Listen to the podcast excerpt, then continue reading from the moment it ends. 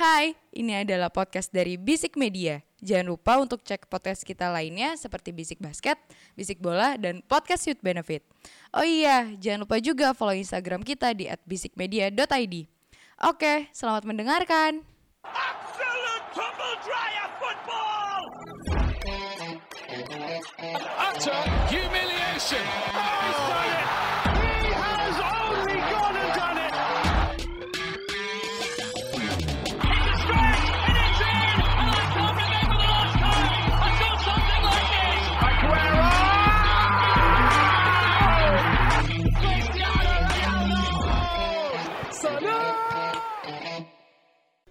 Bisik bola.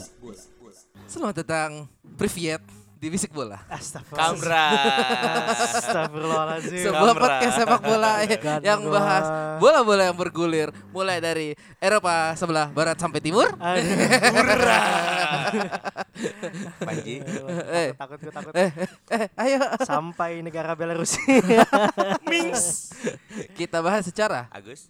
Urak-urakan Oke. Aduh, aduh, Tapi apa mau? Tidak alergi invasi.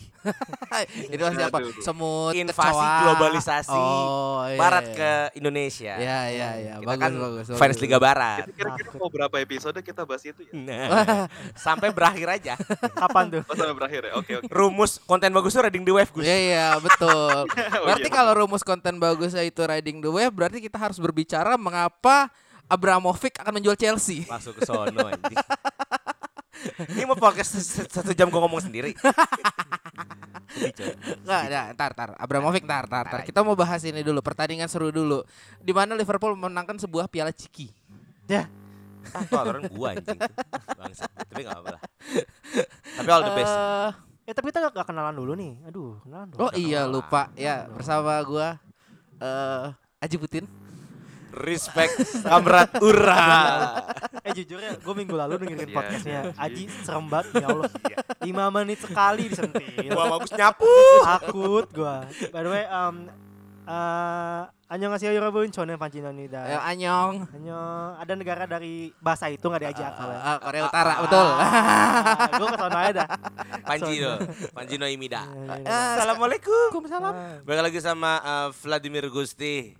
Kamrat Gusti. Privyet. Privet. Bolshevik. Sikap lihat. Dan yang di telepon, tumbennya di telepon. Hey, ada Agus Koreng di sini Agus pala boncel. ya jadi eh, Agus harusnya ngetek tapi dia kena musibah ya. Yes. Ditabrak Tolong- tank ya. Iya, tolong guys di, di GWS ini. At telepon Aduh, subuh. aduh, ditabrak tank apa kena rudal? enggak udah enggak Ditekel hantu. Agus kena invasi. Oke, kayaknya udah agak malam, udah agak aneh nih omongan kita kan pas ngetek. Chelsea, Liverpool. Gue tahu ini udah seminggu lalu, tapi ini adalah sesuatu yang harus dibahas karena hasilnya ditentukan lewat ada penalti yang eh, sebelas sebelas sebelasnya nendang. Iya. Iya betul. Skornya 10-11 Ci. Skor oh sepuluh sebelas. Iya. Oh Skornya. skornya. Yang menang benar sebelah iya sebelahnya. iya mau da- dan dan dan penaltinya tidak ada yang ditepis ya dari kedua belah pihak ya. Ada. Hmm, gimana mau? satu satu stadion ya Terakhir match kayak gini adalah Milan versus Lille di Europa League tahun kemarin. Ketika Iya. Mike Nan dan Donnarumma ketemu ya face to face ya. Dan akhirnya terjadi lagi di eh, pertandingan kemarin. Jujur untuk lo fans-fans netral pasti lo akan suka banget. Gue minjem kata-kata Panji ya. Setuju. Buat lo fans netral lo suka banget karena gue karena nonton Chelsea lagi, ya kan? Ini kan cuma fans football aja ya, ya kan? Ya, ya. Buat gue kemarin kedua-duanya mainnya cukup atraktif Ji Dan menyerang. sangat menyerang. Tidak ada yang bertahan. Yang kita sama-sama tahu kedua kedua kedua timnya itu bertahan cukup bagus. Mm-mm. Beruntungnya Chelsea adalah Thiago Alcantara itu absen. Oke. Seorang masuk ke starting line up, tapi kayaknya pas pemanasan kecengklak. Haji Naim jauh, ya kan? Jadi dia nggak sempat ke Haji Naim kemarin. Hamstring, hamstring, Oke hamstring. oke. Ya, dan cukup nangis kan si si itunya. Nah, melihat kemarin Chelsea juga nuruninnya atraktif ya, karena nggak ada striker. Karena once again Chelsea kembali ke penyakit lamanya tanpa striker. Prediksi kita eh, di podcast episode sebelumnya agak meleset Ya. karena Liverpool ngeladenin dengan full tim ya. Iya. Dan eh Tuchel eh, apa ya? Full team juga. Make sense dengan tidak membuat laga ini menjadi sebuah lab percobaan. Iya, kan kita pikir kemarin percobaan ya. Iya, Havertz sama Lukaku ternyata enggak. Betul. Tuchel kayak nyari piala emang. Kayaknya emang yang logis piala ini doang. Lagi haus, Bung, lagi haus. Ya, nah tapi kemarin kalau dilihat full team, eh, sejujurnya Chelsea nggak full team full team banget, karena backnya juga dipakai Trevor Kalobah. Appreciate buat Trevor Kalobah ya, GWS. eh, untuk yes Jehovah Witness ya kan. KWS titit. ya titiknya juga GWS, kayaknya dia kan pakai gips kayak Tadik ya. Waduh. Ya kan? Kayaknya. ya. Waduh. Tapi melihat kemarin buat gue eh, Chelsea udah cukup solid, Liverpool solid banget. Ya kan eh, salah Mane nggak ada efeknya, cuma salah doang. Mane kayaknya nggak ada efeknya lagi kemarin. Berarti cabut tahun depan harusnya nggak apa-apa jadi. ya. Soalnya Iya. Mane kemarin dipasang ke tengah. Oh di di Iya. di tengah. Biasanya kan dia di kiri kan. harusnya kiri Ah. eh ada Firmansyah kan Iya. Firmino Mane salah tapi Ah. kemarin Dias yang dipasang di kiri Oke. dan buat gue dia cukup cukup cukup menakutkan nih Si Luis Diaz Luis Diaz, ya oke. karena ini Regen ini yang kita takutin dari Liverpool tidak ada Regen tapi nampaknya Liverpool setelah nanti kepergian salah Mane Firmino dia akan punya tiga front three baru Oh, langsung tiga ya yang pergi ya. kayaknya Nggak memung- Dias Jota Mbappe kan. Waduh, ada. Apa dia Jota Halan? Waduh, anjing. Apa Ba- mentok-mentok Origi. Bape Dias Halan? wah respect Waduh. respect Waduh. enggak Ji Minamino Jota sama Waduh, lu bilang. tapi yang gue respect adalah kiper Liverpool Ah, Kelleher itu levelnya udah bukan lagi kiper kedua dan udah siap gantiin Alisson buat gue. Oke. Buat gue karena kemarin cukup kesulitan jujur. Oke. Ya kalau dibanding kiper Chelsea udah beda ya. Karena kan itu pemenang FIFA Best Goalkeeper ya tahun ini. Jadi Tapi Wih. Tuchel juga Cywar yang gagal ya. gagal. Sebenarnya kalau untuk masukin Kepa buat gue itu nggak nggak salah-salah banget. Karena emang Kepa secara track record penaltinya cukup bagus. Betul. Tapi kemarin nggak tahu kenapa Liverpool bagus banget ya penaltinya ya. Nggak bisa ketebak semua. Ah, ah. Tapi buat gue ya gue cukup bangga eh, menang dengan kalah dengan kepala tegak anjay. Oke. Ini pembelaan fans saya sih. Nggak apa-apa, Menang dengan apa-apa. kepala tegak eh, dan pertandingannya atraktif. Oke. Tidak membosankan eh, seperti yang kita harapkan di final. Hmm. Ya Chelsea udah bisa lawan City, lawan Liverpool kalah ya udahlah nggak apa-apa. Itulah orang kalah ya, harus. Kalau dari lu gimana Jul tentang Liverpool ya nih Jul? Deg-degan. Kalau Liverpoolnya menurut gue halnya eh, sama-sama aja sih sebenarnya permainannya Oke. nggak ada yang berbeda cuma paling problemnya di kalau menurut gue yang tadi Thiago Alcantara eh, hamin 5 menit kali cedera nggak jadi main Dan ya. kita sampah banget sih. Em, ya kita biasa aja sih menurut gue emang nggak terlalu kelihatan ya sebenarnya eh, tidak mencapai full, full potensialnya tapi kalau menurut gue secara keseluruhan Liverpool bermain seperti ya seperti biasanya aja sejak kalanya main eh, high high high pressing main high line defensive Ya, li- ya. defensive line eh defensive line tinggi kelihatan juga Chelsea 3 gol eh, offset ya iya, betul Offset betul. semua. betul. nah tapi kalau kita ngomongin Chelsea sebenarnya ada yang pengen gue Iya, highlight Apa sebenarnya yang membuat lu kesulitan eh, lu kita tahu lini serangan Liverpool lagi bagus-bagus cuma bisa berakhir ditahan imbang sama Chelsea 0-0 menurut lu Hmm, apa faktornya Jul? Eh, kalau kita ngomongin defensive line Chelsea, ada dua faktor yang menurut gue menjadi eh, shining light-nya lah kalau menurut gue ya. Eh gue tidak setuju sama Imo sebenarnya, bukan di Trevor Chalobah menurut gue. Ada dua, satu di Mendy sama di Rudiger. Eh Oh back mahal itu ya? 400 juta kan? 400 Ribu. ribu per pekan. 400 ribu per pekan. Ah. CR pun kalah loh gajinya. Iyalah. Pertama backnya dulu eh Antonio Ya, Rudiger. Otomatis eh, tiga pertemuan Liverpool musim ini sama Chelsea salah ditempel terus. Ya. Kelihatan banget ke mana-mana ditempel dan akhirnya eh salah jujur gak terlalu kelihatan juga sebenarnya mainnya kemarin. Mhm. Ditutup banget sama Rudiger. Ini eh, kalau misalnya emang Chelsea berani ngebayar mahal seorang Rudiger menurut gue ini Worth in- it. investasi yang worth it banget. Karena emang Oh enggak enggak enggak stongs ya? Oh enggak stop. Enggak kayak investasi di Indra Kens ya? Wah, waduh. Aduh. Yang rekeningnya dibuka dibekukan. Keren juga ya. Waduh. Aduh, Jadi memang kalau Rudiger udah ya udah udah tiga pertandingan kelihatan bener-bener kryptonite eh, salah waktu lawan Chelsea. Kemudian eh, kipernya bukan Kepa tapi Eduardo Mendy. Eduardo Mendy kelihatan banget semua serangannya Liverpool itu berhentinya di Mendy. Eh gue gue inget ada tiga empat tendangan yang bener diblok sama Ya. si eh, Mendy Edward karena Tifak dalam.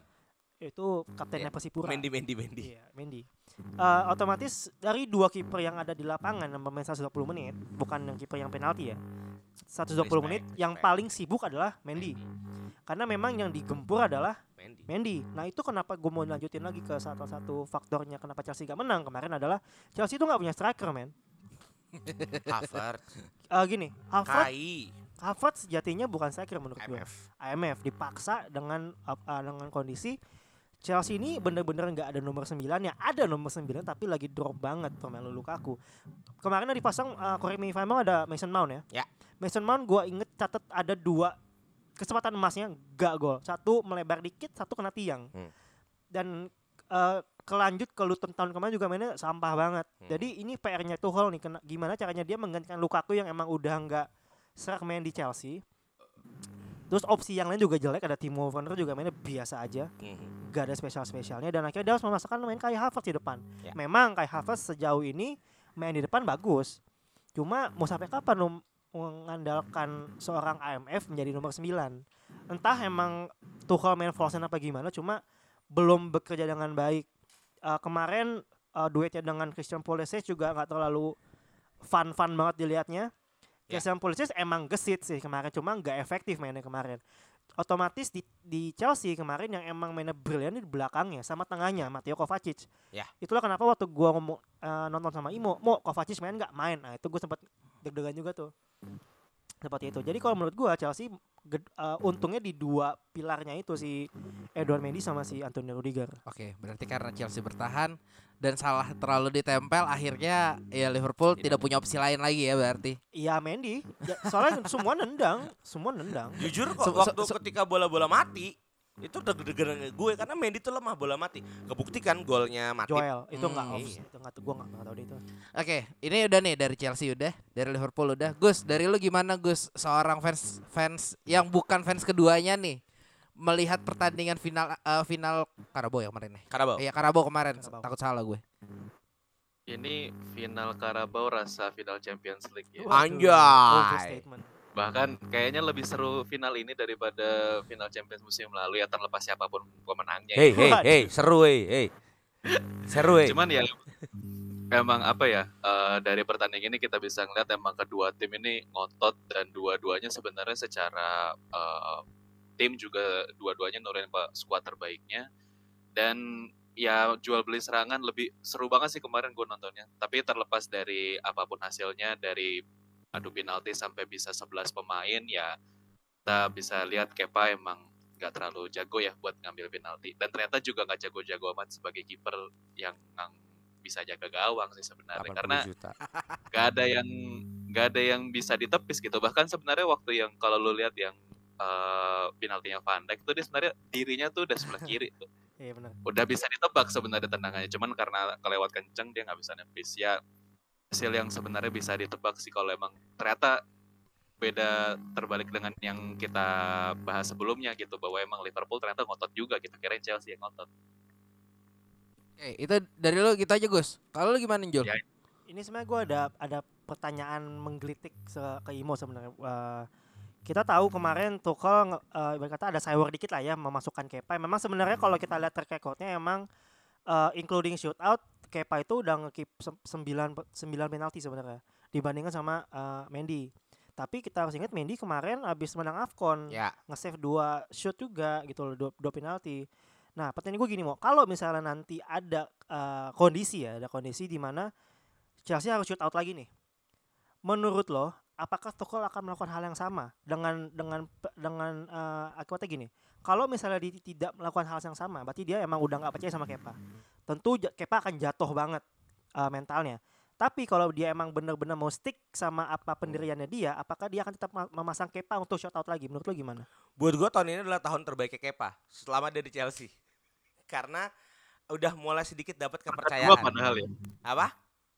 Per kedua padahal ya tapi tahun terbaik ya Iya, kan? Karena kemarin singkat gue Super Cup pertama Villarreal itu Kepa yang berperan penting. Karena Ya, Kepa betul. nahan shoot out. Di Piala Dunia antar klub sayangnya Mendy udah keburu balik. Sedangkan yang nganterin ke final adalah Kepa. Hmm. Melihat kemarin kegagalan Kepa di shoot outnya sesi Liverpool, pure kesalahan Kepa ya menendangnya aja kan, Hmm. penendangannya. Cuman kalau ngelihat kemarin Kepa ngebaca ngebaca arah, buat gue Kepa di shoot out secara mental udah cukup bagus. Emang mungkin Liverpool aja yang kejagoan ya, menang penalti kayaknya ya. Kayaknya Tuchel akan sedikit lebih merubah adalah susu, justru susunan susunan penendangnya gitu loh. Hmm. Gue cukup kecewa ketika Timo Werner nggak masuk ke dalam lima penendang pertama. Hmm. Oke. Karena setahu gue ya de- kalau di rate eh, taker terbaik Chelsea itu Jorginho dan Timo Werner sebenarnya. Dan kalau lihat kemarin Kepa di shoot out, buat gua Kepa udah on point, Hmm. tapi tendangan Liverpool kencengan. Banyak bola-bola yang Kepa sebenarnya udah iya udah nangkep, udah ngebaca, kelepas. Oke. Terus eh, kurang cepet juga refleksnya. Ya salah satunya cara Kepa ngebayar kepercayaan Tuchel dan pastinya fans Chelsea ya dengan shoot out gitu loh. Karena buat gue Mendy terlalu baik mukanya Ji. Mendy tuh kayak anak pengajian dong. Kayak Habilem. Iya, Kabi. kan gitu. Jadi buat gue ya eh, tetap Kepa sih. gue mau ngelempar pertanyaan mungkin pernyataan gue mau jadi punya kiper cadangan termahal aja. nggak emang yang 80 juta itu emang brengsek Ah. semua ya anda merasakan kiper Tahun ini ada back. dua Harry yang akan juara apa-apa. Harry kan sama Harry Maguire. waduh sebelum kita masuk ke Gue boleh Harry- nambahin dikit. apa kenapa Gus Ya, eh, mungkin ya, mungkin ini sih analo- analisa gembel gue aja. Ah. Mungkin pernah ngelihat si Kepa ini kayaknya udah beberapa tahun ke belakang kan suka dibully lah bisa dibilang gitu. Ya kiper mahal tapi tolol dan lain eh, dan lain sebagainya gitu. Ya dengan kemarin juga waktu Piala Dunia antar klub, waktu Super Cup dia bisa jadi eh, pahlawan lah bisa dibilang. Mungkin yang di pertandingan kemarin juga Tuchel pengennya sih dia jadi jadi pahlawan gitu. Ya gimana kita bisa bandingin sama waktu Piala Dunia 2014 lah waktu Van Hal memutuskan untuk ganti Cilisan ke tim Krul pada saat Iya, iya. eh, tendangan penalti gitu. Dan bagaimana dia dielulukan karena bisa ngebawa Belanda saat itu bisa lolos gitu ngalahin Costa Rica. Mungkin itu sih yang diincar sama si Tuchel, tapi sayangnya keputusannya salah gitu sih kalau gue. mungkin gue nggak bisa nyalain Tuhelnya juga ada faktor di mana mungkin Kepa kena mental di situ karena kan tendangannya kan eh, ya lu tahu kiper nggak biasa nendang nendang jarak Ya. dekat kayak gitu Hmm. di final lu beban dimasukin sebagai harapan terakhir yang Ya. ternyata sampai 11 orang lawan lu lu nggak bisa nahan atau eh di situ juga menurut gua ada ada pengaruhnya yang bikin mental Kepa dan nendangnya jadi ya to the moon gitu lah Gue tak, gue takutnya Lo orang nanti, kripto Ji. iya dong Gua NFT banget nih gue gue takutnya nanti bakal jadi Karius dah. Ya. Cuma maksudnya enggak sih ini cuma, cuma Piala Liga lah. Lu doang Karius. Cuma Piala Enggak, Liga. Ngomong-ngomong Harry, eh, dua-duanya Harry ada yang bisa kita bahas nih minggu ini. Kita mulai dari Harry Kane dulu kali ya. Yes. Harry Kane, Tottenham. Iya dong. Eh, Harry Kane, Tottenham. Tottenham di bawah Conte nggak bagus-bagus amat deh belakangan ini asli. Gue Enggak tanya Panji utang budi mau konten, tapi ntar aja. tapi ya yang sudah bisa dipastikan dari Tottenham tahun ini adalah Tottenham tidak bisa eh, punya gelar ya tahun ini ya. Hari biasa gak sih? Ya, 5181 hari Tottenham tanpa gelar Ji. kembali ke fitrahnya ya. FYI itu ya. Terakhir apaan, Mo? Enggak tahu. Piala Liga. Piala oh bukan Liga? ini, Premier League Asia. Wadaw. Bukannya ini Audi Cup. ah itu Premier League Asia. Piala Liga terakhir tahun 2000 Empat. aduh enggak tahu. 6 eh 12. dia, dia terakhir Enggak enggak buat- masih ada Robikin kok waktu itu. Lupa gue tahun berapa. 2008. Anjing Robikin. anjing. Robikin.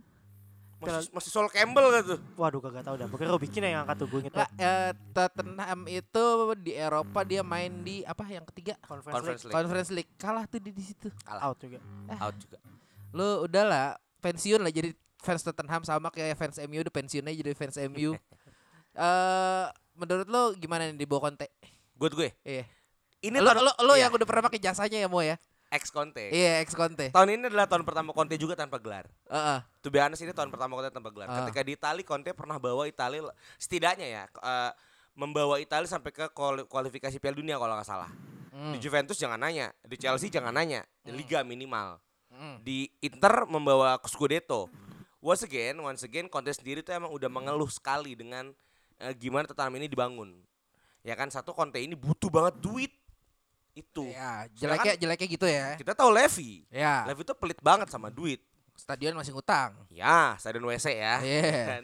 Tapi buat gue eh, melihat Tottenham oke, dia di Middlesbrough kalah. Tapi Iya. keren yang tadi gue bilang Panji ada utang budi sama Tottenham Kenapa? ya? ngalahin City. Oh iya iya, iya. dua minggu yang lalu Iya. berarti. Dan Tiga- itulah tiga dua ya, Tiga dua. tiga dua ya. Yang bikin Panji bisa bersaing ke Contender League. Sedangkan bisa saya enggak. ngedeket juga, tapi tapi seenggaknya bisa ngedeket kan lo? Peringkat dua Ji. ya udah lah nggak apa-apa lah ya. Tapi buat gue Conte mungkin kemarin di Middlesbrough tidak expect. Eh, satu pujian untuk satu pujian sekali untuk eh, Tottenham itu duet mautnya itu pencetak gol terbanyak Son Oke. sama Ken. Oke. Yang harap Ya. yang, yang jadi tantangan Conte adalah ketika dua orang ini akan cabut. Ken itu santer banget mau cabut. Tahun kemarin gak jadi ke City. Si tahun sekarang menurut lo tetap ke sana harus bisa, ke City. harus bisa. Oke. Karena Harry Kane harus dapet tim yang juara gitu loh. Bisa mengakomodasi kemampuan dia. Iya, Harry Kane ini udah nggak level Tottenham Ji. Yuk Chelsea bisa beli Harry Kane kalau mau ya nggak apa-apa. Ada duitnya. 3 miliar bro. Oh iya. jangan yang pen- yang penting ini jangan jangan dikasih nomor 9 aja nanti. Itu Ji, kayaknya nomor 9 Chelsea dipensiunin deh. Bala. ya kan? Kalau dari lu gimana nih Jul si? Tottenham Jul? Eh, udah nggak kaget ya gini. Kalau misal kita menyoroti eh, performanya Conte, menurut gue tidak adil karena gue eh, fans yang percaya sama proses. Conte masuk di tengah musim. Alah, utang budi aja. Kon- Kon- Conte masuk setengah anjing. Conte masuk setengah musim, pemainnya gitu-gitu aja. Eh gue sependapat sama Imo di saat Son atau Son sama Kane ini cabut, dia mau relay sama siapa? Pembelian kemarin aja menurut gua pembelian yang panic buying. Kulusevski sama Romero. oh, eh bukan satu lagi bukan dua jo, eh, Bentancur ya? Benta, iya, Bentancur. Juventus sentris. Iya Juventus Centris. Iya. Eh, em, dua pembelian yang menurut gua dua pemain ini udah habis di Juve. Ya. Eh, mainnya biasa-biasa. aja. Cenderung gagal bahkan. Gitu ya. Gue bukan fans Juve sih sebenarnya. Emang ada fans Juve ya? Dulu pernah ada di sini. Internal jokes ya lagi. jadi gini.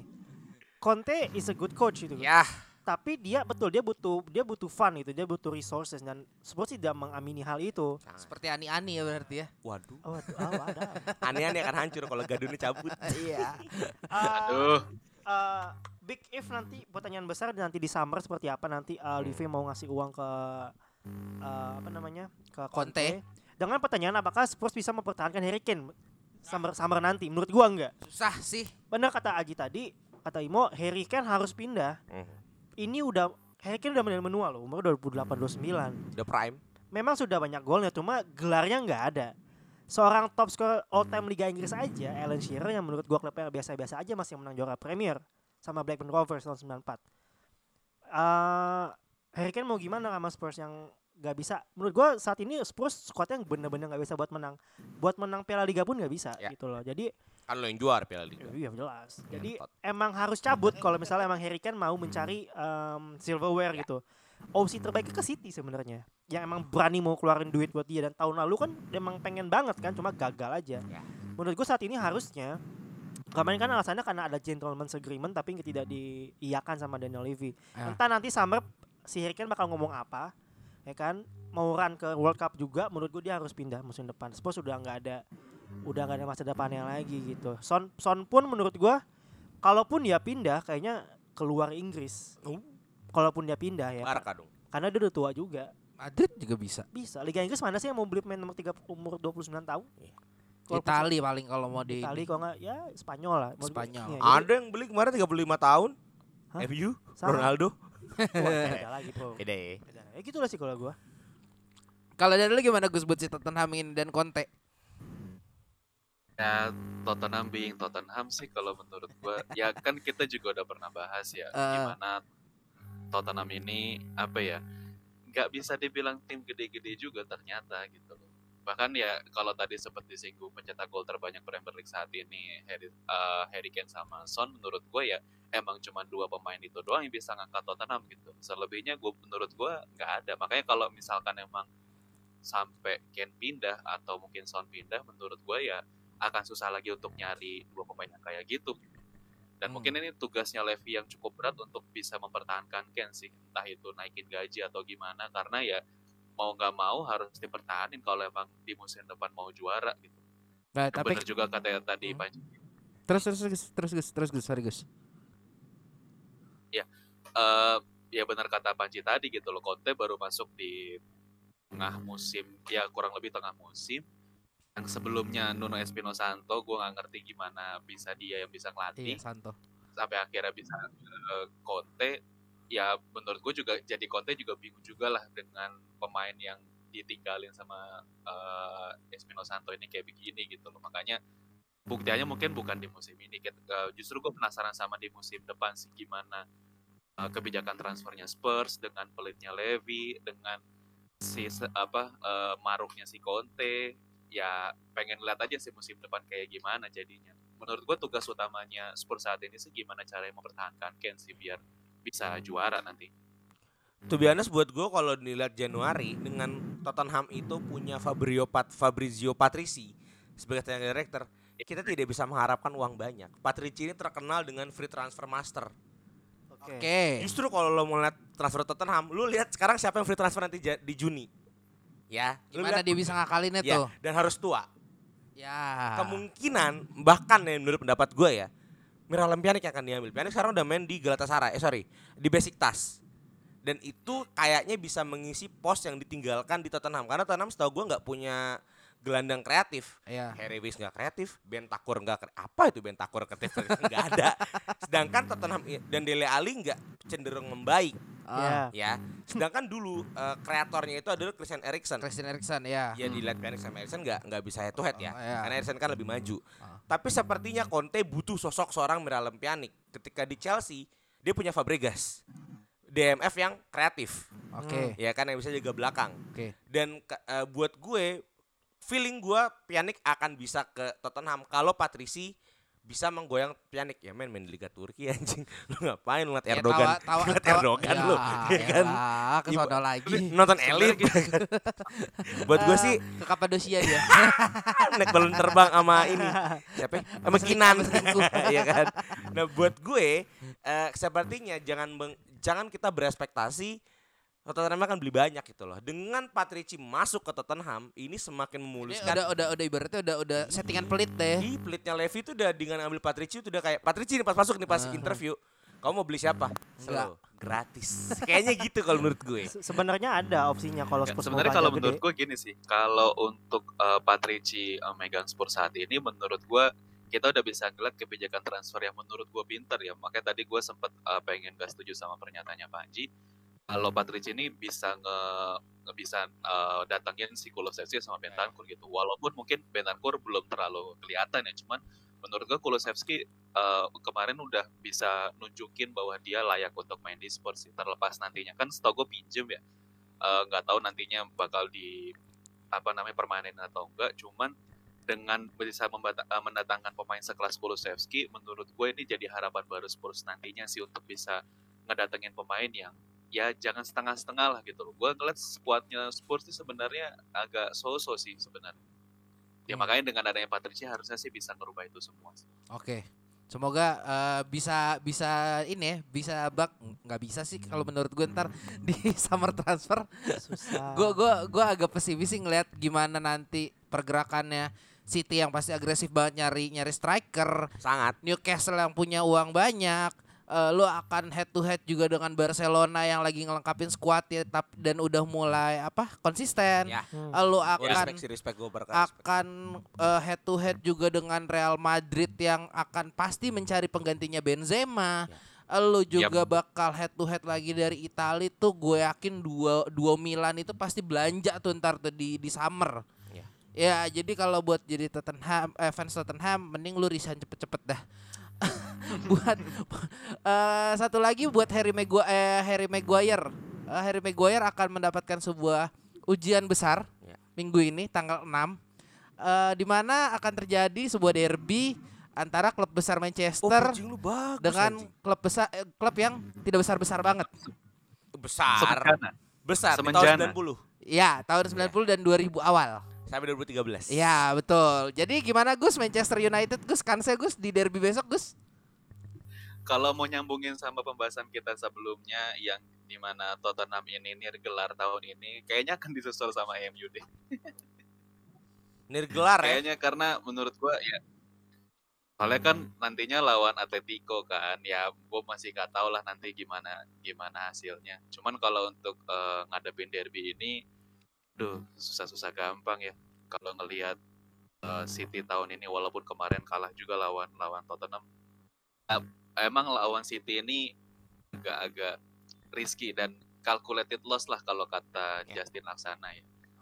Cuman memang kalau untuk eh, pertandingan ini ya bisa dibilang City bukan dalam artian gak bisa dikalahin bisa banget gitu loh. Cuman ya memang harus dengan eh, pemain-pemain yang emang siap untuk ngeladenin permainan cepat dan eh, taktisnya City sih ya gua gua sebenarnya sih udah pasrah aja kalau untuk hasil eh, City lawan MU ini sih nggak tahu kenapa Gue mau masukin nih nambahin buat Agus. Kalau buat MU menurut Cie, gue, fans MU lagi.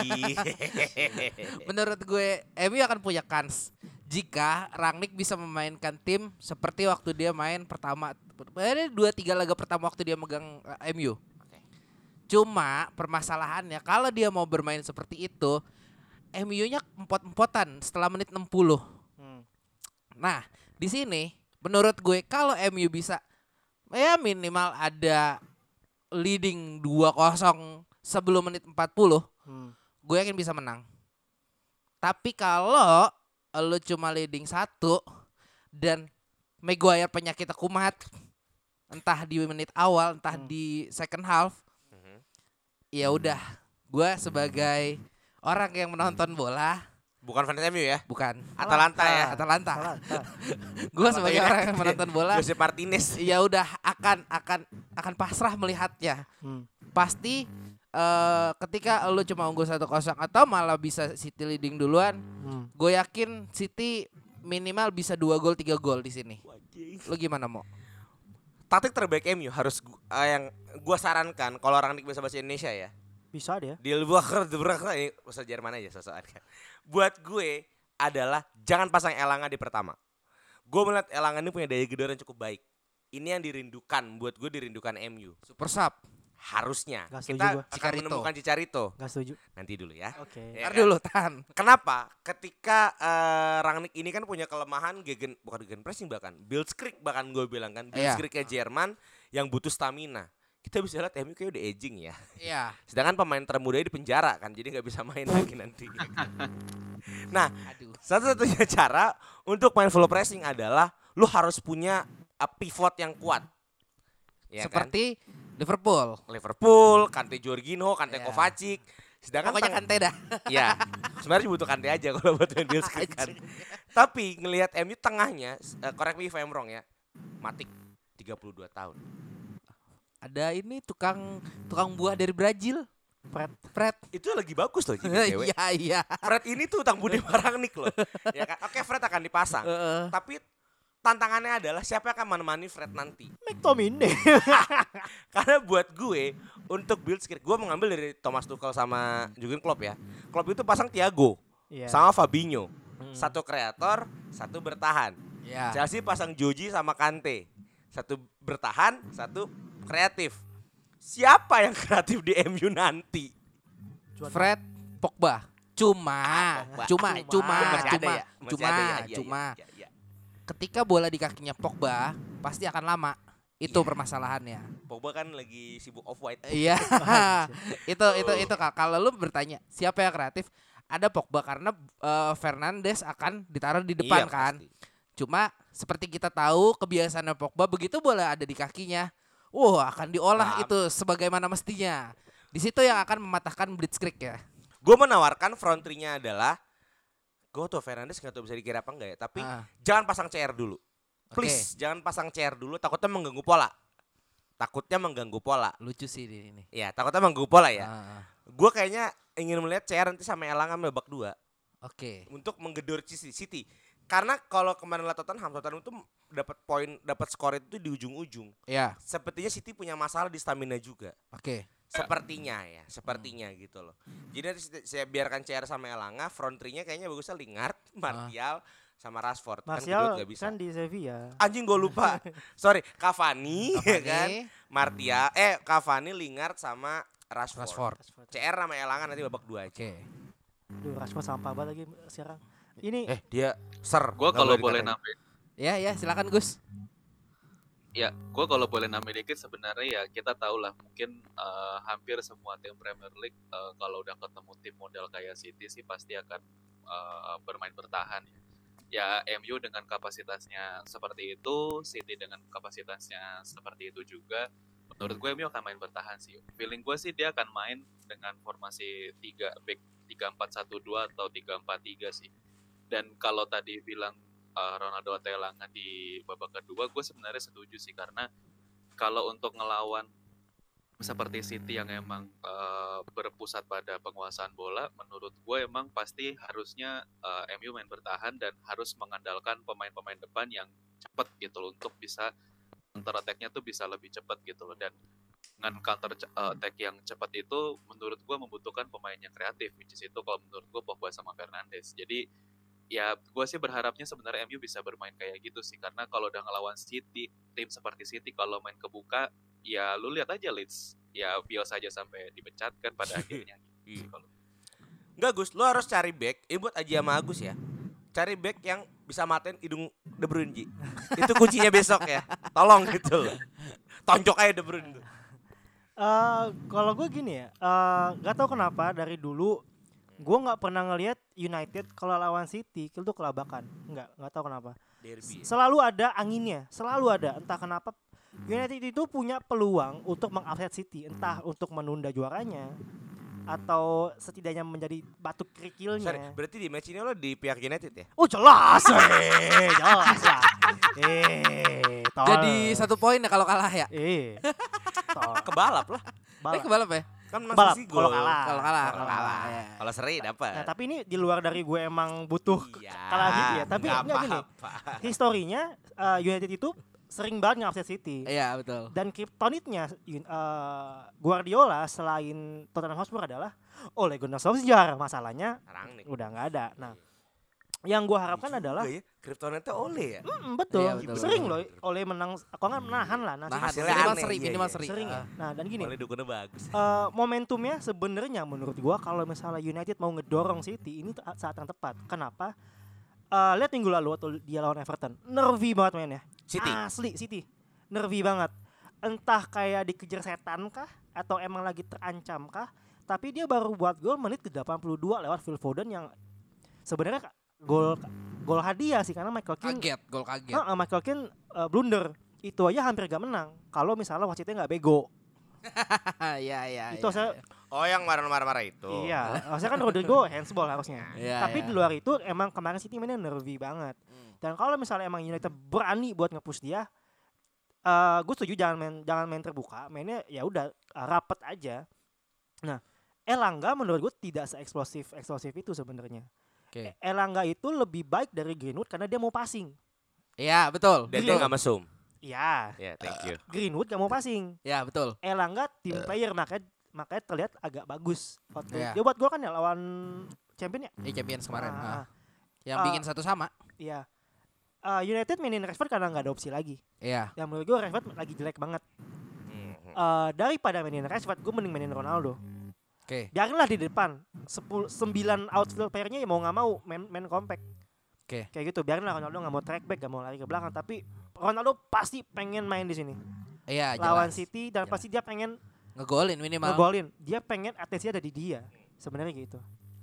Ada harapan buat MU. Gue baru ngecek daftar injury-nya City. Ruben Dias cedera, Bro. Ah, ngaruh sih. Ngaruh. Bro. Nggak tahu lah ya.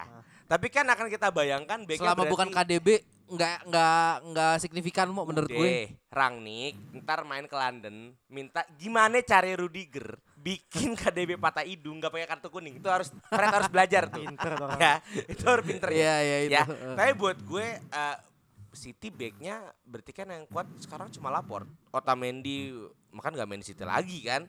Sepertinya ada harapan untuk bisa menembus. Gue menarik dikit omongan gue ya. CR harus main dari awal Ah, CR harus main dari awal karena Ruben Ah, Diasnya kosong kayak Ruben Diasnya kosong walaupun nggak tim player banget tapi nanti CR babak kedua diganti sama Cavani dan kabarnya kan nanti yang mimpin bukan Maguire kan timnya kan Saha.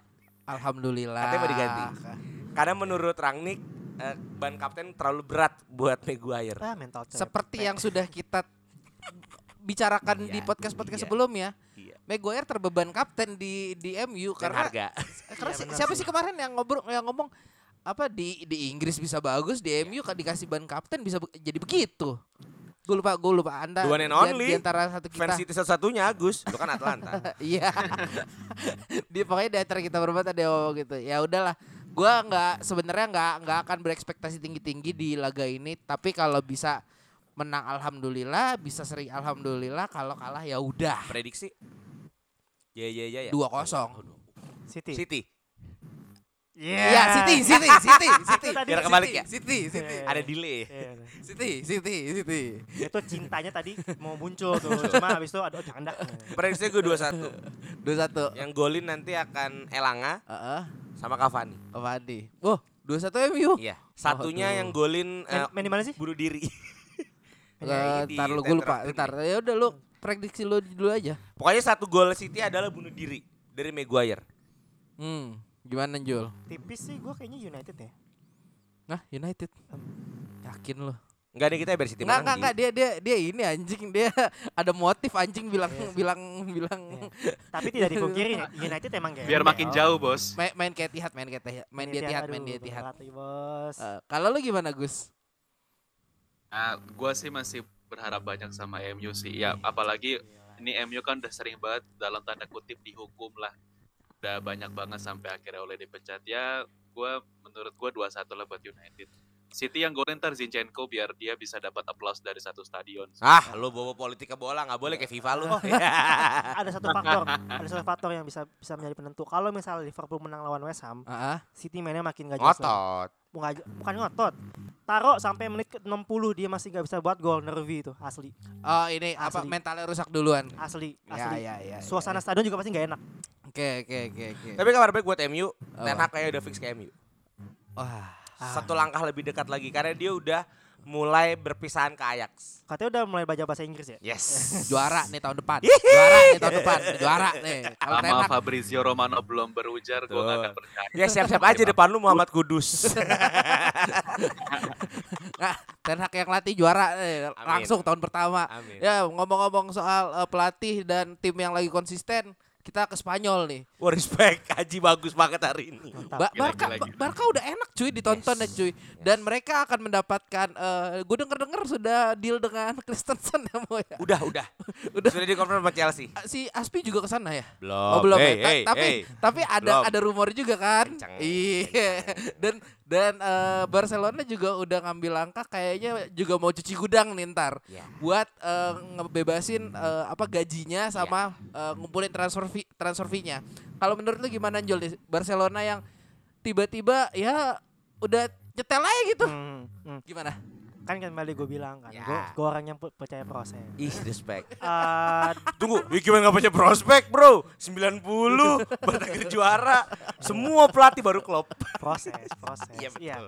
Em, Sampai 90 kita begini. pernah bahas sebenarnya Safi eh, sudah memperlihatkan permainan di Barcelona, cuma masih naik turun. Tapi hebat ya pemain eh, pelatih Barcelona dari Malaysia kan, Safi Sali. Nomor panggung 55 di Pelita aduh, Jaya. aduh. Stretching. Lanjut. Iya, em, naik turun. Cuma saat Ya, ini ya. udah makin stabil, udah mulai kelihatan mainnya. Dan ini em, kita pernah bahas apakah pembelian dia di Januari itu pembelian yang Berhasil. brilian apa enggak dan sepertinya sepertinya ya dua bulan berjalan 2022 sepertinya pemain apa pembelian yang Harus brilian. diakui brilian Iya. dengan adanya ada Matraore dan siapa lagi bro. Auba, bro. Dua Oh iya Auba. Auba. ah. Eh, untuk long term sebenarnya untuk posisi striker kita nggak bisa ngomong itu long term karena Aubameyang juga umurnya udah over udah mau 30 gitu Ada kan. Bradway, santai. Oh. Tapi menurut gua faktor pembeda ada di Adama Traore. Ada mah. Adama Traore asisnya lebih banyak daripada di asis di Wolves selama Wolves, ya. setahun. Kelihatan banget dan Mhm. Pedri juga mainnya makin-makin kelihatan banget sama satu lagi gue lupa siapa Gav Gavi. Gavi. Jadi pemain-pemain muda La Masia-nya udah mulai kelihatan Ya. lagi dan emang rohnya ini mau di kita pernah bahas ya. eh, hidupkanlah lagi rohnya La Masia. Ya. Gak usah lah beli-beli pemain dengan Ya. harga mahal. Gaji mah gak kepake Coutinho, Dembele dan segala macamnya. Tapi fotonya bagus ya Son Villa. Iya. Hmm. Ya, Son sekarang fansnya dua guys. Aston Villa, bukan di Barcelona gitu kan, main goblok. ya jadi memang eh, bagus sebenarnya untuk Ya, untuk ya. fans sepak bola yang general melihat Barcelona ingin kembali ke fitrahnya. Itu bukan hal yang baik, cuma kembali butuh proses. Ya. Eh, sainsnya bagus, Aubameyang juga mainnya bagus, ada Matore bagus. Menurut gua akan menarik di musim depan. Bagaimana summernya nanti? Menurut gua Christensen kan ini udah pasti datang nih. Jeng, betul. Christensen, Aspilicueta, Enggak kan? belum belum.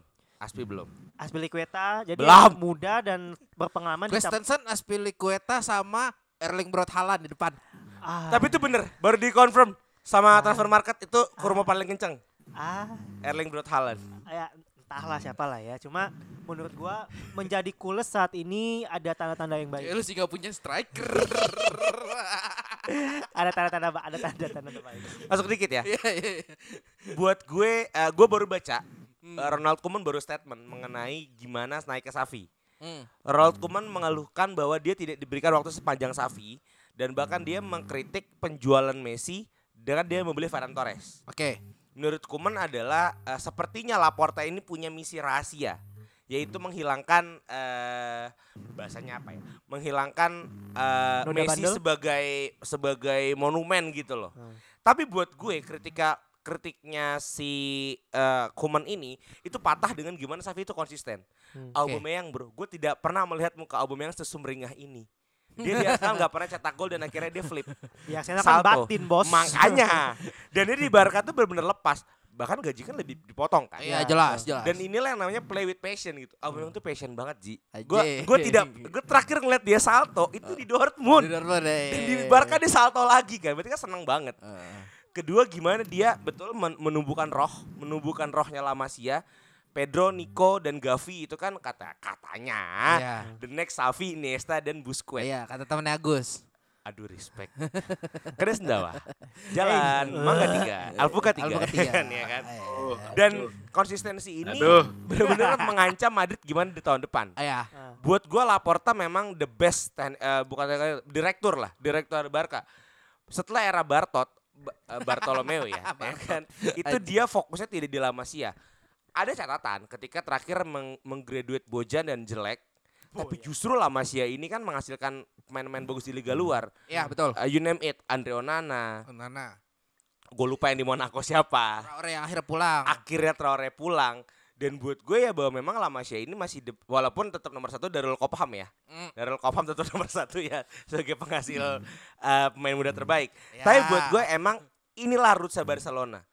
Gue tuh tidak pernah melihat adanya kecocokan ketika Coutinho ke Barcelona. Karena Barcelona itu jiwanya adalah ya jiwanya La Masia gitu loh. Oke. Dan di tahun ini dibuktikan dengan eh, siapa tadi? Pedro ya? Mm. Pedri. Pedri, Pedri, yang gak pernah istirahat. Iya.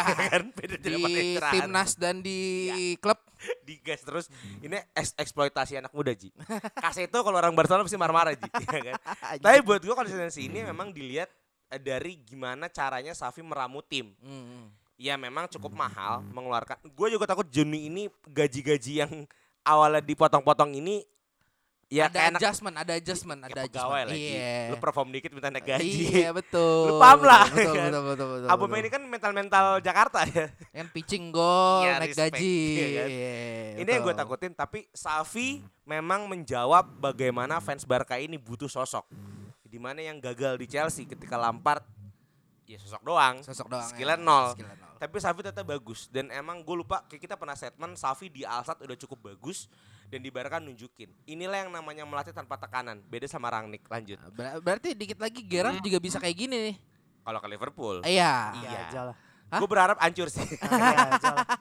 Tapi buat gua uh, Safi boleh dikatakan belum sebagai top coach, Top coach. Cuma tapi untuk jalannya mengembalikan udah benar. Ya, mengembalikan fitra Barcelona udah cukup baik. Oke. Dan hemat. Itu Iya. harus di note dari Safi ya, hemat. Ya kalau gue mungkin agak menyoroti Kristensennya aja nih, nih ntar ya. Bangsat, Kristen Eh, lagi si anjing. Kristensennya kan eh, Kristensen berapa sih 28 26. 26 26 26 kita tahu bahwa backnya Barcelona itu kan udah terlalu banyak digoyang Sakira ya Waduh, iya hips down lah itu. iya jadi udah agak-agak keropos juga Bukan ya digoyang dengkulnya. di, di waka-waka. di waka Di waka-waka. anjing Samina Mina. Iya, jadi seenggaknya eh apa ya lu lu lu dapat back yang lumayan oke sih menurut gue. Dan eh, nanti eh, diharapkan bisa memimpin lini belakangnya Ya. Barcelona juga nih eh, apalagi kalau ntar dia pasti masih sempat main hal Pique dong nanti ya mungkin setahun dua tahun lah. Terus juga setahu gue di Barcelona tuh ada beberapa back back yang muda juga. Siapa sih namanya anjing yang lagi cedera ya Um Titi Araujo. tapi Oh, walaupun Araujo. Araujo dan Um Titi walaupun Um Titi nggak nggak pernah jelas ya mainnya ya sama kayak si Maguire. Iya betul. Tapi ini Bener adalah mirip mainnya. Tapi ta- tapi ini adalah uh, sebuah keputusan Iya, iya, yang iya. bagus dan dan uh, lu lu bisa berharap bahwa Barca akan aman nih belakangnya nih di tahun depan nih dan dan ya itulah lu Madrid lu harus bisa ngedatengin si siapa ya? Rudiger. Bukan, Anjing lu. bukan, bukan. Striker siapa ya? Kura-kura ninja anjing. Mbappe. Mbappe. iya. Mbappe. Donatello. Mbappe. Michelangelo. Mbappe dan, Michelangelo dan, ya? dan dan bikin Vinicius konsisten nih nanti Yes. caranya. Itu ya yang yang akan memungkinkan nanti Madrid bisa bersaing bersaing dengan Barca dan mengembalikan keseruan eh, laga El Clasico lagi nanti. Harusnya. Itu. Kalau dari lu gimana Gus buat si eh, Barca ini dan eh Christensen ini kalau lu mau nambahin juga. Sebenarnya kalau dari gua sih eh ya dengan kemenangan kemarin lawan sorry lawan siapa ya dia kemarin tuh ya pokoknya dia eh, Barca ini udah nyetak eh, 12 gol dari tiga pertandingan which is di mana satu Oh iya benar-benar. pertandingan Sorry Gus gue motong. ya. Dia konsisten 5 match 4 gol. Ya ya ya ya ya. Iya iya iya iya. iya. dan apa eh, si Barca ini menurut gua ini udah sebenarnya start yang bagus dari Xavi sih gimana dia bisa meramu timnya tua mudanya bisa dikombinasikan dengan baik kan menurut gua ya gue setuju sama pernyataannya Panji sih dari pembelian di transfer Januari kemarin emang sebenarnya ya terlepas dari album yang kemarin sempat hat trick juga cuman uh, ada Traore sih yang bisa ngebuat uh, perubahan di Barca gitu lu kapan lagi ngeliat Barca bisa nusuk dari kanan setelah Dani Alves tuh menurut gue ya ada Iya, Traore Anjing gue lupa. Sorry, lu ngeliat kayak ada Pedro gak sih Gus di Barca? Pedro lagi gitu loh, pemain yang underrated dan bisa nyuplai di kanan.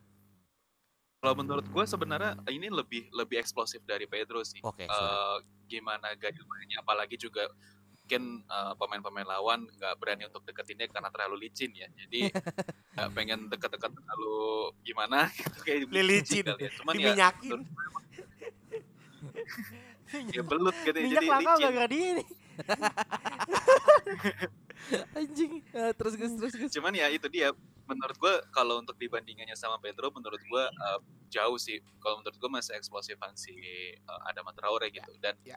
untuk di transfer berikutnya menurut gue uh, kepingan yang harus dicari sama Xavi sih uh, back tengah sama back kiri sih kalau untuk back tengah dan back kiri karena dua pemain ini sorry uh, maksudnya di posisi ini ada dua pemain yang sebenarnya udah terlalu uzur ya. Uh, tadi sempat dibilang juga sama Haji kayak ini udah terlalu sering di acak-acak sama Shakira jadi kayaknya udah mulai banyak agak keropos ya jadi harus Shakira, ada Gus. pengganti ya Shakira siapa yang nggak mau ya? Jordi Alba sih harus harus ada penggantinya. Karena menurut gua kalau mungkin eh, Barca nggak nemuin pemain tengah nanti di transfer seenggaknya masih punya Eric Garcia, Araujo, Umtiti juga sebenarnya masih bisa diandelin lah gitu. Cuman untuk sisi back kiri ini sebenarnya agak riskan gitu loh penggantinya nih nggak terlalu sepadan sama Jordi Alba gitu. Kalau di kanan kan udah ada Sergi Jodes, Ya. masih ada Sergi Roberto, terus juga Adama bisa eh, main sebagai bek kanan sayap. Jadi menurut gue sebenarnya yang paling penting nanti yang bisa dicari sama Xavi sih back kiri sama back tengah lah untuk bisa memperkokoh lagi sih ya mungkin Kristensen mau lah ke, ke tim pindah ke tim sekelas Barca. Tai. Oke, untuk pembahasan terakhir nih mungkin agak-agak berat ya nih ya kita ngebahasnya karena kita membahas dua topik nih. Eh, yang pertama adalah eh, UEFA yang sepertinya semakin maruk, Ura. maruk Oh, belum. dan belum belum, Oh, belum. belum. maruk dan eh, dan Oke. kelihatan pengen duit karena eh, apa nyul format Liga Champions yang baru ya Iya. Eh dari 32 jadi 36 menggunakan fase eh, liga, kayak Liga, liga. heeh. Jadi semuanya diadu. Nanti eh, 9 paling atas ya. Delapan paling atas. 8 paling atas akan langsung masuk ke 16 besar dan eh, sisanya tuh ada kayak Wild card. kayak ini eh, knockoutnya dulu. Aduh. Kayak playoffnya NBA. Gitu. Eh di dan dan apa ya ini ini sih sebenarnya membuat gua agak hilang respect ya sama eh, UEFA.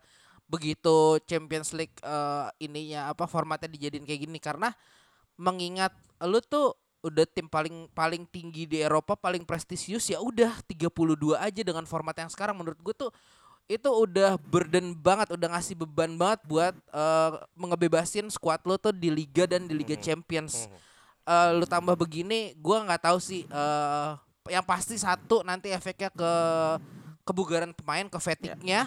I- dan lu pemain akan lebih sering injury prone sih. Ya. di mana eh hal ini juga sebenarnya ibaratnya tuh kayak lu lu kayak big, nambahin eh match yang ada di Super League lalu lu masukin ke sistemnya Champions League. Udah Ya. itu aja sih menurut gua. Kalau siapa yang mau duluan Kalau menurut gue ya sepak bola itu memang tahun ini beberapa tahun terakhir ini bisnis yang terbaik Ji. oh ya jelas jelas Kita jelas pernah lihat report gimana World Cup menghasilkan uang. Ya, walaupun abis itu busuk ya di Brazil ya, eh, Ya, stadionnya ya. Iya, ya kan. Dan Rusia kemarin berhasil. Ya betul betul uang. betul betul betul. Eh, dengan juga ada wacana bahwa Piala Dunia apa sorry Piala Dunia itu per dua tahun. Ya, Buat gue UEFA melihat ini. Apalagi ada tendensi Super League. ya di betul. mana eh, si bangsat dari Madrid itu Florentino Perez bisa menghadirkan data berapa uang yang bisa dihasilkan dari Super League. Dan JP Morgan mau masukin nyuntik duit agak gede seingat gue berapa. Morgan lagi kan. Ah, Sebuah investor sepak bola. ah, UEFA melihat ada potensi uang di sini. ah. Dan mungkin menurut gue dengan semakin banyak tim yang masuk, memang eh, match karena jujur eh, khususnya tim gue ya. Tiket Iya, iya. terbanyak Chelsea itu adalah ketika Champions League. Even jelas. itu lawan tim kecil. Jelas. ah. Ya, lawan tim kecil Karena pun karena setahu gue harganya Champions League tuh bisa dua kali tiga kalinya di atas prem kan? beda. Ah, Prem aja udah mahal. iya. Yang kalau lu fans Asia kalau mau nonton sepak bola Inggris harus eh, yang paling mahal. Iya sa- sama kayak kayak ONH plus lah ibaratnya. Anjing Aji sekarang agamis ya guys. Terima kasih Aji Aku sekarang. gak ngerti loh itu apa. Main plus fokus tek haji. Naik naik haji yang pak ekspres. Be, ini doang. Gak kan tahu. Bang lu yang Oh iya? nyelenggarain tahu. Nggak tahu Lanjut gua. ya. Ya. Buat gue eh, satu positifnya adalah kita akan semakin banyak melihat tim-tim yang akan ber- bertanding. Oke. Tidak untuk kemungkinan akan ada Ajax Dream, Atalanta Dream, Ya. ya yang akan Iya. atau Porto Dream mungkin yang bisa kita lihat. Satu dalam 100 tahun ya. Ya, negatifnya adalah fatigue. Ah, ah. Toni Kroos 2018 19 itu udah protes bahwa Marco Reus l- 2014 ya, nggak cedera main. parah, Golje sampai sakit, Kroos Iya. udah ngeluh. Ini memang resikonya di pemain. Positifnya adalah akan sebanyak pemain muda yang akan dihadirkan. Buat gue ini lagi tahun ya khususnya Darul Kopham ya.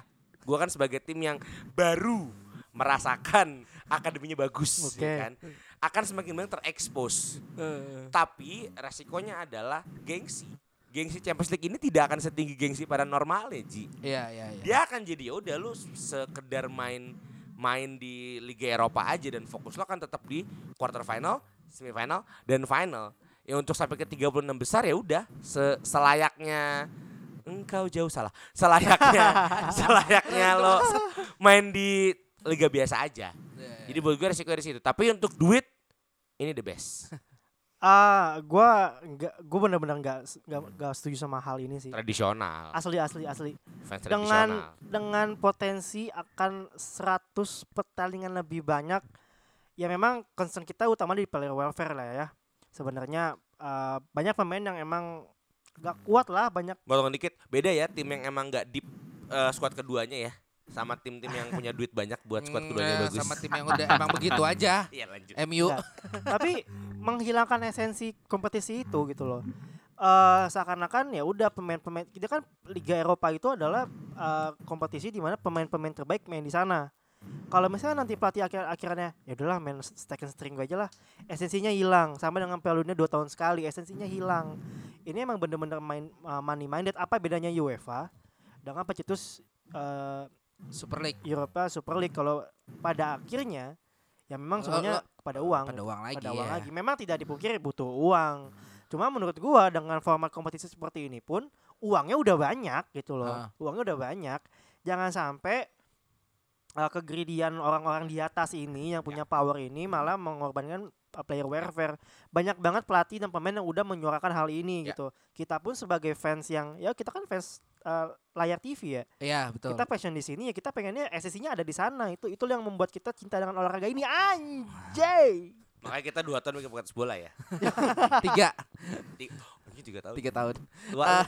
Walaupun nggak dipungkiri kalau misalnya emang ada event sepak bola biasanya podcast kita naik kan. Iya. Yuk, November cepetan yuk. yo yo yo. Kalau dari lu gimana Gus tentang format liga ini Gus? Gus? Halo? Agus kayaknya otak lu mulai kena Ji. Halo? Nggak, jangan gitu dong. Tadi putus-putus bang. Ah, iya, iya, iya, iya, iya. Kirain udah mulai kena serangan otak. Gimana gimana gimana gimana Gus? Tentang si Champions League dengan format barunya ini. Kalau menurut gue sebenarnya dibilang eh, lebih cuan, of course lebih cuan karena banyaknya tim pasti banyak pertandingan dan bisa mendatangkan banyak penonton. Gue baru lihat tadi kurang lebih di total-total tuh ada 100 pertandingan di satu Liga Champions. Gitu. Betul. Dibilang lebih seru, menurut gue ya 50-50 lah untuk untuk bicara soal keseruan ya. Ya tahu sih mungkin karena apa perbedaan eh, dari yang sebelumnya grup ke sekarang liga eh, nanti transisinya seperti apa gue nggak tahu sih. Cuman kalau menurut gue sebenarnya yang nantinya harusnya sebenarnya bisa dirubah regulasinya adalah eh, tim-tim atau negara-negara mana yang bisa eh, berpartisipasi di Champions League ini sih. Dalam artian gini kalau untuk kita ngomongin Inggris, Jerman, Itali, eh, Spanyol menurut gue ya mungkin dari segi kuotanya menurut gue bisa dikurangin dan bisa dikasih ke eh, negara-negara yang apa ya bisa dibilang eh, Berkembang. tidak terlalu sering ya tidak terlalu sering berpartisipasi di kompetisi Eropa lah gitu loh karena menurut gue dengan sistem liga kayak gini harusnya bisa ditambah keseruan dengan tim-tim yang udah hitam yang bisa ngehajar tim-tim gede gitu ya kita bisa lihat gimana kemarin ada Sheriff Tiraspol yang bisa eh, BTW pelatihnya ini loh ikut jadi tentara pertahanan Perang. Ukraina. Aji tetap bawa Ya. ke sono. Asli asli asli asli asli. Ya, Gue ya. gue respect sama ini Tiraspol ya. Tiraspol. Ya, maksud gue gitu loh, eh, ada beberapa eh, tim-tim atau negara-negara yang sebenarnya punya potensi untuk bisa berpartisipasi lebih jauh lagi di Champions League, cuman karena regulasi kuota itu akhirnya nggak bisa terrealisasi gitu loh, karena beberapa tim kecil itu kan kan yang juaranya aja tuh harus melalui fase Liga Preliminary. Champions gitu. Ya. Iya, bahkan yang tim-tim eh, sorry eh, negara-negara kecil pun bahkan udah juara pun malah eh, kualifikasinya ke Europa League gitu. loh. Ya. Jadi dari 36 tim ini harusnya bisa eh, apa ya? Ada ada porsi lebih lagi untuk negara-negara yang berkembang ya. Sheriff Tiraspol dari Moldova ya lu bisa kebayang lah gimana Moldova bisa masuk ke Champions League gitu loh. Gimana tim-tim kayak Andorra atau misalkan San Marino gitu. FK Senica Atau- mungkin dari Serbia. Anjay. Ya, jadi ya menurut gua keseruannya itu harus bisa ditambah dengan yang kayak gitu sih. Ya harusnya ya, kejadian 2004 Porto bisa juara Liga Champions harusnya bisa bisa terulang sih kalau dengan regulasi seperti itu. Cuman ya kalau untuk yang peraturan ini ya gua sih ngeliatnya udah eh, totally buat duit doang sih untuk UEFA. Jadi Michael Platini walaupun bobrok ternyata masih Jeffrey, ada Jeffrey, bagusnya. Jeffrey. Enggak, waktu zaman dulu. Michael Platini. Ya, ya. Walaupun Platininya iya, oke. bobrok ya, ter- tapi masih punya dignity lah Ya. Champions League di sini. Legend bro. Iya, nah buat topik terakhir nih, ini eh, kesempatan nih buat Imo nih. Kita mau Satu jadi jam di podcast podcast Chelsea nih. Mau kan dengan keadaan geopolitik dunia sekarang ya. Ya. nih ya kan agak-agak riskan ya nih apalagi buat Roman Abramovich nih dan emang sudah dikonfirm kan bahwa dia akan menjual kepemilikan saham Ya. majoritinya Ya. di Chelsea Ya. daripada Chelsea dibukukan kan Ya. Eh, nggak bisa nerima sponsor nggak bisa nerima uang dari mana uang dari mana uang dari mana eh menurut lo eh buat fans sebagai fans ya pandangan lu tuh kayak gimana nih tentang keputusannya si Abramovich ini Tribute buat Abramovich hari ini ada vodka juga thank you. iya ya kan. Buat gue, gue baru lihat data Ji. Range 2004 sampai 2022. Klub tersukses di Inggris dengan 21 trofi adalah Chelsea. 2004 adalah di mana era King Roman dengan uang gas alamnya, jangan lupa ya, uang gas alam ya. tuh Itu membawa tim dari middle table ke top table dan tim tersukses. dan merusak banyak pemain Betul. Striker lebih lengkap ya. jangan lupa itu Melat, eh, memecat banyak pelatih? Betul. 12 pelatih dalam setahun. Itu cuma Abramovich. Iya kan? Tetapi ini yang harus dirasakan semua fans. Mungkin ini adalah yang harus gua rasakan ketika lu melepas era Ferguson. Di mana sudah ada sistem yang benar dan harus berganti kepemilikan. Ya kan satu. Tapi buat gue gue menyesalkan sekali ya sebagai orang yang aware bola dengan aware politik. Mana janji UEFA, FIFA untuk tidak membawa politik ke dalam sepak bola? Ya kan gue tidak akan bawa ke isu agama sekali lagi ya karena kan banyak isunya ke sana. Tapi buat gue seharusnya be profesional. Tapi di selepas dari itu, gue juga mengharapkan Chelsea ganti owner. Gue udah terlalu lama sama King Roman, ya. Dan siapa pun nanti pemilik Chelsea, seharusnya, seharusnya kita fokusnya ke Chelsea dijual ya. Bu cukup gede ya, Tata. Chelsea mahal juga ya, 3, 3 Tiga billion tri- ya. tiga triliun Mahal juga triliun ternyata ya. euro Iya, mahal juga ya. Gue pikir ah paling satu billion, ternyata 3 billion. Dan seharusnya eh, memang ya udah udah harusnya ganti kepemilikan. Gue sangat mengharapkan ada orang eh, tradisional Inggris yang membawa Chelsea seperti era Gus Mears dengan Bruce Buck biar kelihatan fans lama aja. Padahal baru baca si aware to Chelsea Iya, dari ya kan? sebelum 2006 Betul. Tapi yang sangat gue sesalkan adalah keluar Abramovich akan membawa eh, board yang juga cukup banyak. Salah satunya adalah tante penawar harga terbaik di dunia, Maria Granovska. Granovska, Iya. ya, ya. Dia akan cabut. Dia akan cabut dan Abramovich cukup membawa. yang nawarin gini ya pilih gaji apa tete anjing. Tete ya. dong. Tapi eh, satu hal yang gue sesali itu doang sih gue mengkritik kenapa harus membawa isu politik ke dalam sepak bola. Sedangkan janjinya adalah sport above politik. Tapi Ya. di, se- selep- eh, terlepas dari gimana Abramovich melepas Chelsea, satu hal ini dedicated buat King Roman nanti belajar bahasa Indonesia ya. Saya coba ucapkan terima kasih atas dari 2004 sampai 2022 ini Anda sudah membawa apa menjadi mimpi kami juara champion Dua kali? dua kali. Satu-satunya tim London yang juara champion Iya. apa itu Tottenham apa itu Arsenal kontol biar, biar parah dikit kan Eh, dua kali Europa League Eh. dan sudah membawa legenda-legenda baru Oke. bahkan salah satu legenda kami udah jadi pelatih Eh, Terima wa- kasih, Walaupun agak gagal. ya bentar lagi Aston Villa ke Liverpool jadi terima kasih King Roman Oke. Kalau dari lu gimana Gus nih melihat keadaan yang Chelsea yang kayak gini nih yang lumayan gonjang-ganjing ya? Gus? Sorry tadi agak putus-putus. Oke. Eh, menurut ini sebenarnya pada saat gua ngedengar berita ini lumayan emosional ya. Kenapa emosional? Sebenarnya lepas dari dia adalah pemilik klub Chelsea yang di mana juga musuhnya MU juga. Cuman gua ya ibaratnya baru mengikuti perkembangan sepak bola itu kurang lebih di sekitaran 2003 atau 2004 lah gitu loh. Yang di mana ketika itu baru tahu ternyata eh, sepak bola itu bisa menjadi bisnis gitu pada saat itu ya. Ya. Dan Abramovich, ad- uh, Roman, Roman Abramovich adalah salah satu pemilik klub yang menurut gua apa ya visioner ya visioner dan rela untuk mengeluarkan uangnya hanya untuk tim bola gitu loh. Gua baca di berita kalau nggak salah ada sekian triliun yang mana Chelsea itu bisa dikatakan utang cuman nggak ditagih sama sama Abramovich gitu loh. Apa ya? ya gini lah Gus kalau lagi pacaran utang akan ditagih lah Gus udah putus baru tagih kan iya lagi Goblay. cuman ya itu sih Sebentar. apa ya? Case-nya agak familiar saya. Inner joke lagi.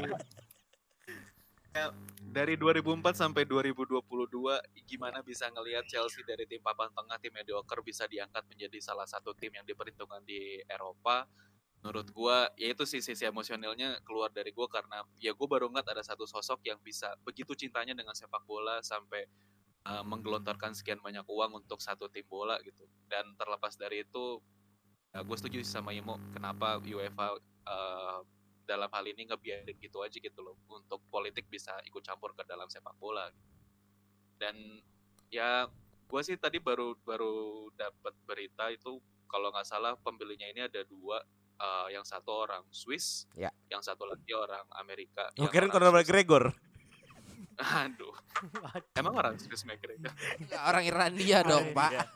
oh gitu tapi cocok Ji kalau McGregor beli Rudiger akan jadi UFC Kalau dari lu gimana Jul soal isi ini Jul? gue mungkin nggak terlalu banyak komen di Chelsea sama Abramovich ya karena tadi Imo sama Bang Gus udah banyak. Gue cuma mau menekankan aja tadi di poin terakhir kita. FIFA, UEFA kalau misalnya emang nggak mau masukin politik ke dalam eh nggak mau masukin politik ke olahraga atau mau menunjukkan solidaritasnya setidaknya konsisten. Iya. Karena hal ini bukan hal yang baru terjadi di dunia. Ada Iya. negara lain juga yang mengalami gitu. apa tuh Ada lah, nggak usah disebut. Ya, tepi eh, barat Nggak kalau dari gue ya eh, gimana ya? Ya ini Abramovich adalah contoh owner yang punya passion, punya punya ambisi gimana klubnya. Ah, fuck you. ya, yang bisa ngebawa perubahan dan rela menggelontorkan uang bahkan rela dengerin isunya ya, isunya ya. Dengerin perkataan anaknya bahwa Shevchenko Shevchenko. bagus. Shevchenko bagus dibeli. Enggak, gue pikir kayaknya dulu beli Shevchenko Eh. itu dampaknya sampai 2022. Waduh, negaranya mana? Ke Shevchenko. Iya, iya, oke, sorry. gue udah gue udah udah agak nggak ngebahas itu nih ya dan dan dan terbukti bahwa Ya. passion ketika lu punya passion punya duit punya determinasi punya ambisi Yes. eh, akan menghasilkan sebuah klub yang sukses ya udah ini aja dah Bye. Don Sweden ya.